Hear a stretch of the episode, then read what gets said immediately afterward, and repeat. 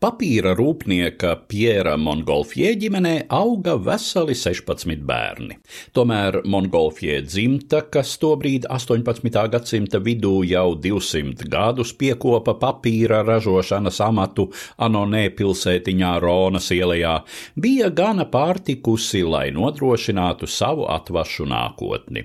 Meitām, saprotams, tā bija laba pūra nauda un atbilstoša laulību partija, bet dēli varēja izdarīt izvēlēties dzīves ceļu vairāk vai mazāk atbilstoši talantam un aicinājumam.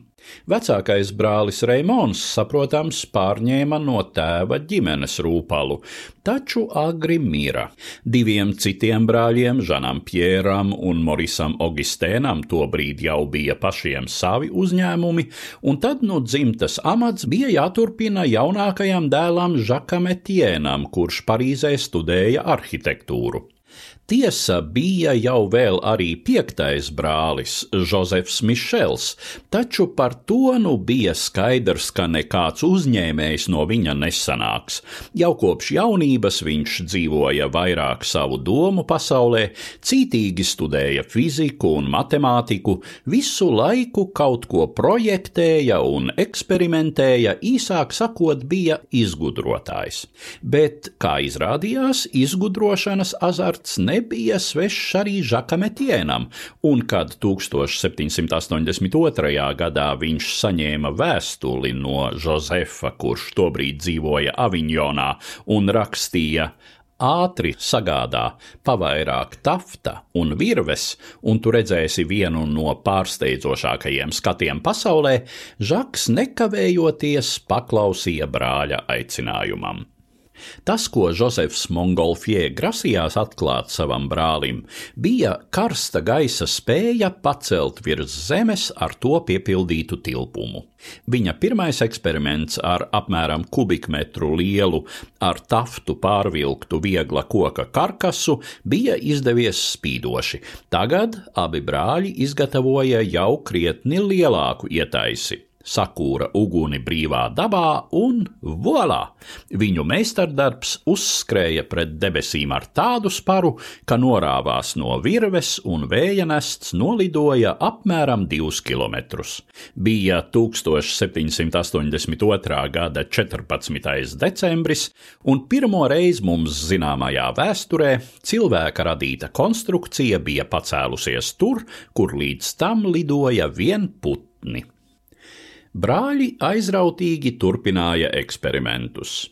Šķiet, arī dzimtas patriarhs Piers necēla kategoriskus iebildumus, vien izkaulēja no abiem solījumu, ka viņi paši nekad neriskēs lidot ar saviem izgudrojumiem. Nākamā gada jūnijā brāļi Mongolfie jau demonstrēja dzimtās Anonē iedzīvotājiem pilnvērtīgu gaisa balonu, cilindriskas formas un ar degmateriālu pildītu toveri apakšā.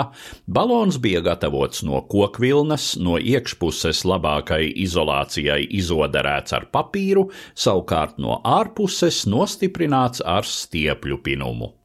Un tad jau bija laiks doties uz Parīzi un apliecināt sevi galvaspilsētā.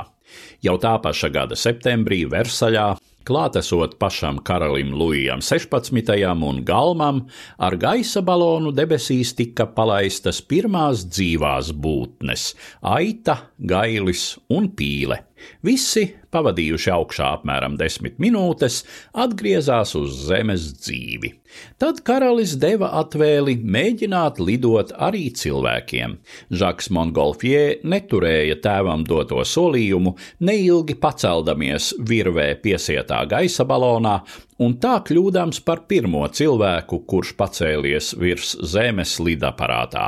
Taču pirmo nopietno lidojumu virs Parīzes 1783. gada 21. novembrī veica fiziķis Žans François Pilaters de Rozier un karaliskās gvardes virsnieks François Laurents Marquis de Arlands.